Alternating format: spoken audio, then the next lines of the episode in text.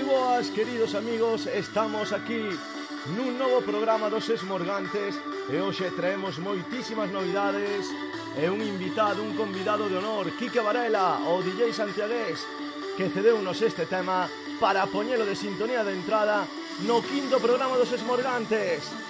Dedicamos vos este temazo de Quique Varela.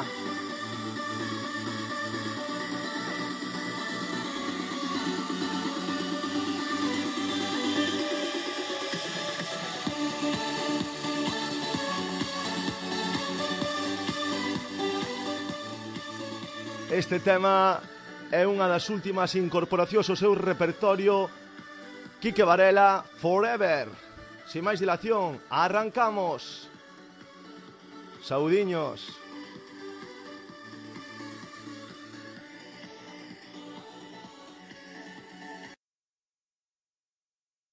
Pero, rapaces, eh, como os vai a vida? Eu bastante ben. Fun ontes a pescar calamares ali ao Portiño de Morás e apañei seis ou sete. Se sigo así dous ou tres días, pescar, pois, me dá para unha calamarada. A pescar ou a mirar grandes. como os pescaba?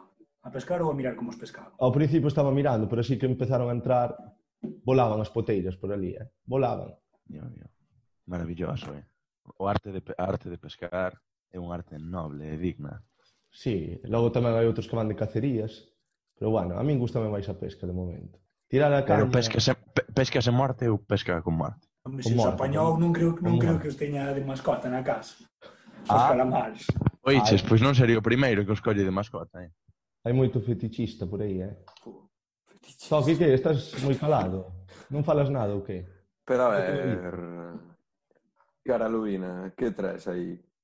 Saco calamaro. Esta, hai que gravalo isto. Hai que, hai que gravalo isto. Traio aquí uns calamarciños da ría, moi riquiños. Mira que pintiña. A ver, como, como os vas a facer os calamares? Tes Mira. unha idea para con arroz, con... Pero, no, vounos, vounos facer a pranchiña sen prácticamente nada, un pouquiño de sal, a prancha, o que queira oh. limón que lle bote un pouco de limón, e listo.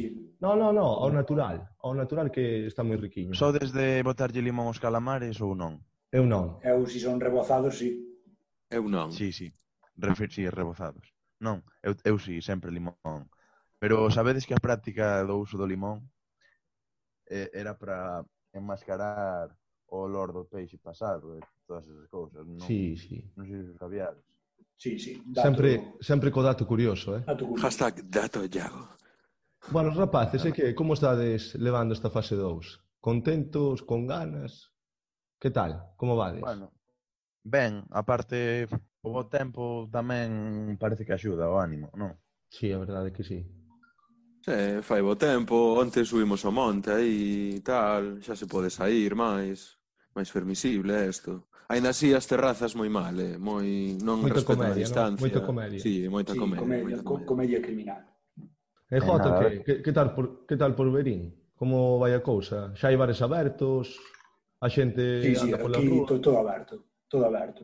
Sí, aquí en Viveiro tamén, prácticamente todo aberto. Eh? Ah, pero en Viveiro hai... hai cousa, sí, en Viveiro hai, hai de todo.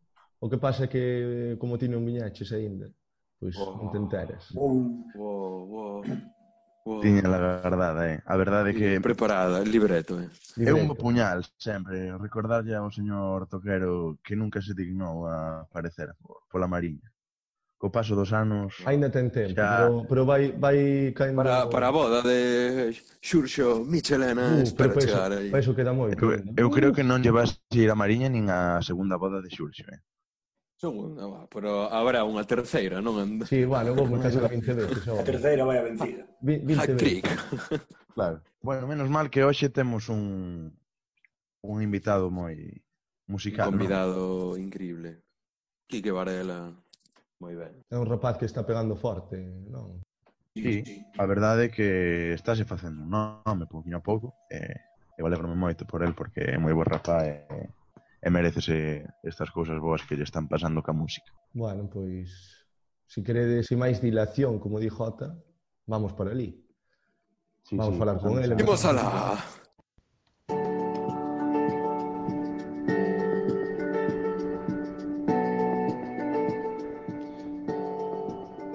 Quique Varela naceu o 7 de maio de 1996 en Santiago de Compostela. Aos 16 anos comezou a súa carreira como DJ Nestes oito anos de carreira pinchou en grandes festivales e discotecas como o Gal Beach Party, El Pelícano ou o Rompetiño Jump. Durante estes anos compartiu cartel con artistas como Dimitri Vegas, Like Mike, Steve Aoki ou Timmy Trumpet. Ademais de DJ, na súa faceta de produtor, conta con máis de 100.000 reproducións nos seus temas e foi apoiado por artistas como Nicky Romero. Xa está aquí connosco Quique Varela, Que tal, Quique? Como estás levando estos tempos? Boas, eh, o primeiro, moitas gracias a vos por invitarme. Eh, a verdade é que ao principio pensei que o confinamento iba a levar peor, pero, bueno, creo que era un pouco cousa de saber levar unha rutina, eh, non deixarse ir un pouco polo feito de ter que estar seguido na casa eh, e ao final le veino bastante ben, a verdad. Si, sí, ao final a, a ti o tema da produción musical tampouco che foi un problema moi grave estar na casa, seguramente tiveches ata máis tempo pa Sí, nese sentido veume ben, porque non me podo dedicar na vida normal, tamén estou estudiando, estudando, entón, pois non lle podo dedicar todo o tempo que me gustaría ahora polo confinamento, pois sí que é verdad que hai a parte positiva que é que tuve máis tempo para dedicarlle a produción, pero a parte negativa que todas as actuacións pois xa non as poden facer e a ver que pasa con elas. non tes tampouco eh, bueno, eh, información aparte de temas de eventos, conciertos e eh, eh, no, a verdade é que sí que estuve seguindo un pouco o que pasa sobre todo en outros países pero aquí ao final que toma decisión é o goberno.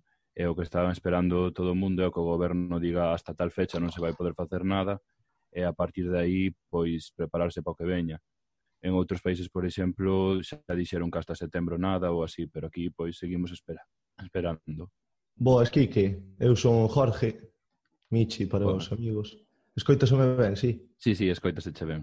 Vale. Eh, nada, eu entrando en materia, quería preguntarche antes de nada como empeza Quique Varela no mundo do, do DJ, onde pinchar? Todo isto? Pois, primeiro empecé adentrándome un pouco na música electrónica, empecé a escoitar así algúns temas que realmente non sabía quen eran, empecé a investigar e descubrín o que era un DJ, un pouco que era música electrónica, e a raíz de aí, pois, fume adentrando nese mundo. Eh, con 16 anos, creo que era, bueno, meus pais non me querían comprar unha mesa de mezclas porque decían que era tirar cos cartos, que en un ano iba a deixar de gustar, e ao final pois aforrei eu, compreima e así hasta agora. Moi ben. Pablo? Eh, boas, boas, Quique. Eu quería preguntarche como compaxinas a, a túa vida musical con, cos estudos? Pois a verdade é que un pouco de DJ cos últimos anos pois volveuse bastante popular e agora hai moita competencia. Quizá non, non ao nivel do fútbol, pero sí que algo similar, tipo de ser moi bo xogando fútbol, pero mm, que chegues a vivir de eso é moi complicado. Entón, sempre tuve en claro que hai que ter un plan B, digamos, porque o que máis me gusta é a música, e por eso, pois, xa que se me daban estudiar, pois, bueno, máis ou menos, seguín estudiando e, bueno, espero acabar a carreira pronto tamén. Bueno, e aparte que che pode servir a carreira que estás facendo para aplicala ao mundo da música. Sí, para que non o sepa, estou estudiando Administración e Dirección de Empresas. Eh, sí que un pouco, ao final, un artista é un produto. Entón, mm. o feito de saber o vender, eh, o marketing e todas estas cousas, pois sí que creo que a carreira sirveme un pouco para mellorar o meu produto. Eh, nada, eu aparte quería preguntarche como chegaches a, a ser cronista da Gololo Pois tiña un amigo que estaba escribindo aí, eh, non sei, a mí sempre me gustou moito a música electrónica. E el dixome, boa, tens que entrar tamén, que estamos buscando xente, pero ao principio decía, joe, escribir artículos e tal, non sei se será o meu, E ao principio dixenlle que non, e ao final te acabei entrando eh, tres anos casi, eh, moi contento, verdad? Quique, seguramente que en algún festival ou, ou en algunha ocasión biches actuando algo completamente anecdótico. Eh, bueno, isto foi como iba como asistente, eh, iba como gololo e eh, temos pase de prensa, podemos estar no backstage e tal. Sí. Eh, e houve un festival foi un par de anos que se chamaba Delirium Fest, que, bueno, a verdade non sei se o conocedes, pero non saliu moi ben. Tuvo bastantes problemas. Só o meu nome, pero a verdade non, non coñezo. Non, se nos faz así eh, un, un resumen tamén de, do que pasou tamén. ¿no? Sí, a ver. Pois xa uns, uns días antes eh, os artistas máis importantes do cartel non querían pinchar porque incumpironse cousas do contrato como os escenarios que non tiñan feti e eh, bueno, moitos problemas que os artistas principales cancelaron. E bueno, eu decidín ir igual porque había bastantes artistas e eh, a organización, claro. sí, e a organización pois non era moi alá estaba nun cabo en Cantabria, o sea, había que ir polo medio do monte casi por unha pista e, e bueno, digamos que eso que fallou moitísimas cousas de organización. E un artista chegou tarde a pinchar porque unhas vacas se cruzaron no medio do camiño e o coche non podía pasar. Dio, increíble. Si, sí, chegou creo que foi media hora tarde porque claro, estaban pasando os animales e non se podían mover. Eh, bueno, moitas cousas, ao final tamén unha persoa tiña un hammer de publicidade co logotipo do festival e ao final do festival unha persona colleu o coche e empezou a andar nel e creo que foi o máis surrealista que vi na miña vida. Bueno, que sí. aos festivais de electrónica vai moita xente extra motivada, entón poden pasar estas cousas. Sí, a ver, aquí sumouse que, claro, ti pagas unha entrada e ao final non van os artistas que che prometeron mm. e empezas a ver que fallan cousas da organización e xente, pois, eh, desmodrarse un pouco. Mm. Eh, falando agora do tema da produción musical, estás tes algún proxecto que vais a ir en breves ou tes algún mente?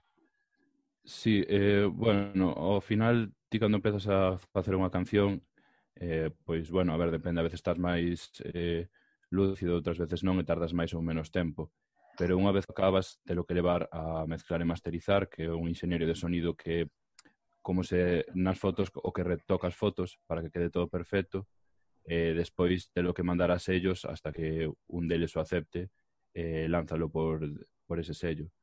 Neste caso xa teño un traballo terminado, estou buscándolle sello e teño outro recién empezado. Así que nos próximos meses eso, espero que sala nova música. Pois aquí en primicia contamos que eh. que Kike vai sacar polo menos dous temas no, nos próximos meses. Sí, esperemos. Sí, desde os Esmordantes sempre promocionando aos nosos convidados. Eu quería preguntarche, Quique, canto tempo che pode levar producir unha canción? Como dixen antes, depende un pouco. Igual tes unha idea e vai todo perfecto e a poder acabar...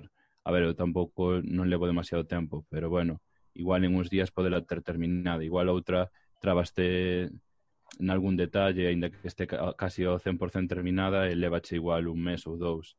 Non hai un plazo fixo. Levache menos tempo que Jorge Michalera a montar un programa, así que enhorabuena. Eso moi ben. Así non tens problema. Bueno, Quique, eh, outra cuestión non referente ao que estamos falando, pero eu quería saber tamén eh, cal é a túa mellor experiencia en riba dun escenario. Eh, bueno, a ver, é, é difícil quedarse só con un pero quizás diría con máis especial foi cando fun a Portugal ao Gal Beach Party en mm. Matosiños, mm. porque é un festival, ese ano foran Steve Aoki, Dimitri Vasilek Mike, Timmy Trumpet, eu era claro, o cabrío compartiches festival. cartel, compartiches cartel cos, cos cracks. Sí, e ademais era un escenario, non sei canto me diría de alto de largo, pero de largo igual 50 metros e de alto 20, o sea, era un escenario eh, gigante. xigante. Sí, sí. Eh, bueno, fun eu que abrín o festival e o feito de que, claro, cando eu empecé non había nadie, o sea, as portas estaban cerradas e xusto cando empecé a abrirnas, empezou a chegar xente pouco a pouco. E cando acabei a sesión, pois había igual 2.000 personas. Eh, non sei, claro. entre eso e que é un festival o público, pois xa vai con ganas de pasalo ben, é moitísimo máis fácil conectar con el, pois diría que foi así a mellor experiencia. Eh, e cando fuches? Cando foi ese festival? en 2018, eh, finales de xuño. Xa choveu, eh? hai que repetir. Sí. sí. Dende aquela fun a outros, como o Rompetiño, que tamén sempre o paso moi ben. Pero, bueno, a ver, ojalá volver a Portugal outra vez. A ver se hai sorte. Mm. Eu quería preguntarche así, eh, a modo de Galicia en particular e de España en xeral, crees que hai pouca cultura da música electrónica en Galicia e en España? Eh, Sí, eu diría que a nivel de cultura musical estamos un pouco por detrás, pero no sentido de que non estamos tan abertos de mente, non respetamos todos os, os xéneros. Non sei, eu so, tamén fun de Erasmus eh, e ali conocí moita xente de toda Europa e como que a xente no resto de Europa está moito máis aberta a todos os estilos. Ti nunha noite te podes poñer electrónica, reggaetón, rock, rap, que lle vale todo, van a pasalo ben e máis ou menos teñen un mínimo de conocimento, conocimento xeral de todos os xéneros. E aquí como que parece se non poso que está de moda, pois vai a merda e eu non mo paso ben aquí e nese sentido somos un pouco máis cerrados de mente, penso eu. É que eu era eso que me quería referir ca pregunta, porque eu tamén cando fixen o Erasmus, pois eh, me dei conta de que cando en España as discotecas poñen solamente reggaetón, en Europa adiante non poñen reggaetón, poñen electrónica de diferentes xéneros e poñen pois igual sí que as cancións que están de moda, pero eso non non é o sota cabalo rei do reggaetón que hai en España nas discotecas, quitando igual en en Madrid que poida haber, como hai máis xente, pois tamén hai discotecas para máis públicos, pero aquí en Galicia é imposible atopar unha discoteca prácticamente dando a sesión sí, de, eh, de pelica é, é, é máis complicado. É pouco máis, verdad?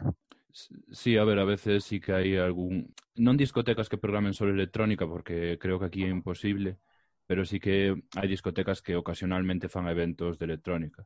Eu penso eso, que aquí o pouco, un pouco que falta é ser un pouco máis abertos de mente. Non digo que este mal escoitar reggaetón, a min tamén gustame, cando sale festa pois bailo, pero quizás falta un pouco deso, de variedade e eh, máis tolerancia polo resto de xéneros. Eh, como te ves ti no futuro? Cales son as túas metas e que obxectivos tens dentro da, da música? Pois o primeiro máis importante sería de vivir únicamente da música. E despois mm, tampouco non me para a buscar metas a largo prazo, senón que busco metas máis fáciles e máis a curto prazo, e mm. intento conseguilas. Por exemplo, eu podo dicir, jove, esta discoteca gustame moito, gustaría ir pinchar aí. Pois igual claro. algo que é bastante asequible, pero así tamén cas metas a largo plazo eh, a nivel mental non creo que é bo porque é unha... ¿no? Ah. Sí, eh, por exemplo, todo o esforzo que estou facendo agora igual, igual non ten recompensas dentro dun par de anos. Claro. Estar dous anos traballando sen ver que non hai frutos do teu traballo é moi complicado. Mm. Entón prefiro centrarme sempre a corto prazo hai que ser ambicioso, idea, pero eh. cos pés na terra, non? Diríamos. Realistas, hai que sí, ser realistas. Sí.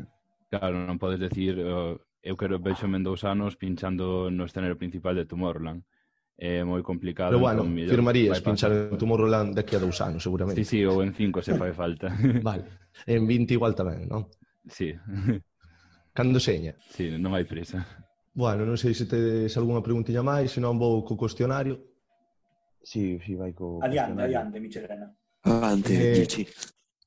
Quique, bueno, nada, teño aquí un cuestionario, douche dúas opcións, tes que escoller unha, e nada, sinceridade e adiante, vale? Preparado? Sí, sí. Vale, a primeira é praia ou montaña? Eh, praia. Pulpo ou churrasco? Esta é complicada. Sí, é complexa. Eh, eh digamos, churrasco porque son moi fan das churrascadas e agora, sobre todo en cuarentena, pois é o que Pois que toca. sepas que sepas que eres o primeiro dos, dos cinco invitados contigo que dixo churrasco, eh? Que sí. sí. A ver, as dos me gustan moito. Así moi. que pin para ele. Eh, pobo ou cidade? Eh, pobo. Chándal ou traxe? Chándal, diría. A comodidade ante todo. Sí, é máis cómodo, sí. Roncola ou gin tonic? Roncola. Que decisión aí, eh? Sí, sí, eso non hai eh? dúbida. E a ver aquí se non hai dúbidas tampouco. Depor ou Celta? Depor. Así ah, me gusta, home, por de fin. De toda a vida. Aí, aí estamos. Pero a bufanda esa que tes non é do Depor aí detrás, verdad? No, esa é de cando fun ver o Inter. O Inter contra o Inter de Frankfurt. É un amante do fútbol. Non hai sí, máis, sí. non ten que dar máis explicacións. Sí, de feito, eh, sobre todo Depor. Xoga nun equipo tamén, non? Sí, no Calo, aquí ao lado de Santiago. Aí sí, coñezo ben. Hmm. Barça ou Madrid? Eh, Barça. Vale, vamos entrar en materia xa, eh? Discoteca ou festival? Uf, quizá é moi complicado, pero quizás me quedaría con discoteca porque como que é un ambiente máis íntimo eh, e como que te podes desenvolver mellor. Ainda os festivales é a eh, hostia, tes unha hora e tes que Sí, dale, pero sínteste, sí. sínteste máis cómodo nunha discoteca entón, non? Sí, a min gustame máis o ambiente como que é un pouco máis íntimo, aínda que hai menos xente, quizás gustalle máis é xente que vai por ti e quedaríame con discoteca. Vale, perfecto. Eh, Martin Garrix ou Armin Van Buren. Non sei se está ben pronunciado, pero bueno, máis ou menos sí, está, eu creo que vale. Está ben, está ben pronunciado. Eh, a ver, eh, Armin é unha leyenda, pero quizás por xéneros gustame máis eh, Martin Garrix. Martin Garrix. E, e por último, que xa quedou respostada antes, pero bueno, por si acaso, por si as moscas, electrónica ou tecno? Electrónica. Electrónica, sen dúbidas. Mm. Bueno, non sei se queren engadir algún aos meus compañeiros. Eu, por mí, xa, xa rematei. Mm. Creo que estiveches bastante acertado, sobre todo nas de fútbol. Vinche acertado demais. Mm. E nada, moitas gracias, Quique. Hacía falta a vos. porque todos dixeron que eran do Celta ata agora. Nada, eh, como última pregunta que lle facemos a todos, Quique, eh, que nos digas un sitio para visitar de Galicia que non sexa a túa terra, Santiago, obviamente. Vou facer trampa porque eu son de Santiago, eh, pero dende que teño dous anos levo veraneando en xuño e eh, ao lado de Porto do Son. Eh, en general xa todo Barbanza, pero sobre todo a Praia das Furnas, pois é un sitio onde todo o mundo debería ir unha vez, que é precioso. Non sei se algún de vos foi, pero... Praia das Pois eu, eu sinceramente... Estive, moi bonito. É unha das cousas que teño anotadas en pendientes. Coñecer mm. o Barbanza en xeral e as súas praias é algo que me que me falta. Rodouse aí Fariña, Mar Adentro, sí. o sea, ainda é famosa na televisión. Sí, no, no, é moi bonita a Barbanza en xeral, é moi boa xente está un pouco tolos demais, pero sí. pero boa xente. E falando de Barbanza, vamos lle dar aquí un saludo a Adrián Ferrón, que é o noso maior fan de momento, xa escoito os programas repetidas veces, e escoito no coche, escoito na casa. Bueno, eh, moitas gracias Ferrón, e eh, unha aperta dende aquí dos Morgantes. Eh, pois agora me parece que van tocar cada súa sección de, de cine de serie B. Non sei se están algo preparado ou todo improvisación. Adiante, tocar. Imos a la Quique, agora, pois, xa sabes, isto é o, o sorriso do programa, a cara de dos hermos gantes. Isto é o, o, o máis feliz, é a parte feliz. Entón, escoitaches os outros programas, a miña sección? Sí, sí, eh, vinos todos. Quedábame un pendiente, pero xa cando falei contigo me dixetes que vira, pois Perfecto, Bien, perfecto. Entón, é a primeira vez que non vou facer introducción. Isto é, non hai introducción. Bueno, imos alá. Gusta o cine, Quique? Sí, pero non teño moito tempo para velo. Entón, tampouco bueno. non entendo demasiado. Para iso estou aquí. Cal foi a última película que viches no cine, a poder ser? Senón na casa, senón Uf, que queiras. Eh, no cine, quizás o, a do Joker. E na casa vin outro día, ahora sobre todo co tema este de Estados Unidos, é unha, unha serie uh, de Veño con tema de Estados Unidos, por certo. Cal, cal é a película? Eh, así nos ven, creo que se chama. Que de ah, cinco, é de cinco chavales que os bueno, culpan injustamente por un crimen e acaban indo á cárcel sendo inocentes. Eh, a película ah, vai moi, un pouco sobre esa historia. Sí, moi, moi americano, ten pinta. Perdón. Queredes aportar algo? Vexos aí. Eu, eh, quitando do plano cinematográfico, se, se che gusta, bueno, agora que saiu a raíz de todos os altercados que está vendo en Estados Unidos, eh, recoméndolle a toda a xente que lea un libro que se chama La, a cabaña do tío Tom, que, bueno, relata a historia de, da esclavitude en Estados Unidos, de un home negro, e, bueno, polo tema iso de que se se interesa a lectura é unha novela curtiña e é moi entretenida. Bueno, non esperaba esta aportación literaria de Iago aquí no medio, pero quedou ben, así que tiramos pa diante. E non hai introdución, Kike, entón imos directos ao meollo. Isto é fu, pa diante, como Michi entrando en Apolo, eh, isto sen preliminares, xa pa dentro, pim pam. Entón, a película que traigo hoxe, seguindo a recomendación de Fátima Pego, é Battleship. Battleship, eh, non sei se a, bit, se a biches ou se mm, no, non, algo. Non me sona, bueno, verdad. Bueno, o título podía ser Battleship, porque é horrible, é unha puta merda. é malísima e gastouse máis de 400 millóns de dólares. Pero estes americanos hai. Hai que deixalos que son un pouco especiais, xa se está vendo. Entón vou contar un pouco de, va, de que vai esta película. Esta película, pois, organízanse uns xogos navais, por así chamalo, e van, van todas as faccións do mundo, van os chinos, os rusos, os americanos, e como non, ten que ser en América, onde vai a ser a película. Entón, nun momento dado, nadie, ninguén sabe por qué, de repente o ceo cae unha nave espacial e quedan encerrados nun escudo protector os americanos contra os aliens. O cal é unha situación para América, bo, estaban facéndose pallas na casa. Os americanos, dicen, ah, comémonos a estes aliens e bo, todo o mérito para nós e a chupada. Entón, eh, hai como unhas batallas, os efectos especiais están ben, é eh? o único que salva a película, sai Rihanna tamén, así un pouco de música ah, tamén. Bastante ben, medio. bastante ben e tal. E ao final, pois, os veteranos da Segunda Guerra Mundial, como non, acaban derrotando os alienígenas. E acaba así a película, a verdade, é unha americanada, pero elevada ao máxima exponencia, non? Xa está, se queredes comentar algunha cousa. Esa é na que sae Rihanna? Sí, dixe non. Acaba o de decir, o que pasa que Iago... Llago Para o que non sepa está de resaca, entón. Fu, sí, Normal estou, que lle costa un poquinho. Estou un pouco seco, disculpade a miña audiencia, pero onte paseime un pouco. Embriagueime de alegría. Bueno, Kike, tens que ver esa película, eh, porque para min é un referente. Eh? Sí, sí, ten moi boa pinta. Estuve mirando antes de valoración dabanlle un 5,3 ou algo así, así que... Bien, bien, eh, aprobou la revisión. Aprobado, é subindo, é subindo, é subindo. Pero Velocipastor tamén tiña un 5,3 que mo ensinaches onte. Tal. Non sei, uh, non sei sabe o Quique Varela, Velocipastor, pero Velocipastor coidado, eh. Sí, Está esa, por rico, xa polo nome ten mellor pinta. Bueno, eh, hai unha película que espero que toque algún día traia o, o programa, porque o ah, título, ah, sí. o título é... Aquí. Sim...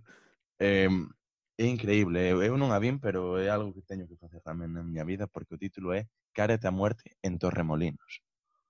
Ah, pero si, sí, xa, xa vi. Xa vi. Españolada, ten que ser sí, españolada sí, sí. das boas, eh?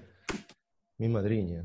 Pode ser a seguinte, así xa, anuncio, pum, pam, veña, pa dentro. O noso programa, spoiler. no seguinte programa, spoiler, Cárate a morte en Torremolinos. Aí está. Increíble. Bueno, Bueno, gracias, Quique, por a túa atención. Nada, eh, moitas aquí, gracias a vos por chamarme. Nada, é un, un placer terche con nós aquí no programa e moita sorte no futuro. Esperemos que canto antes estés actuando nos festivais, nas discotecas e, e donde queiras ti. Esperamos verte gracias. pinchando na parte de abaixo de Runta máis pronto que tarde para sí, pa alegrarnos para alegrarnos a, as noites con postelazos que non somos amantes do reggaetón. Sí, que aquí hai bastantes habituales da planta de baixo de ruta. Está o grupo completo. bueno, moitas grazas, Kike, que che vaya todo moi ben no futuro. Vale, moitas gracias a vos. Veña. Veña, un saúdo. Gracias, Adeus. chao.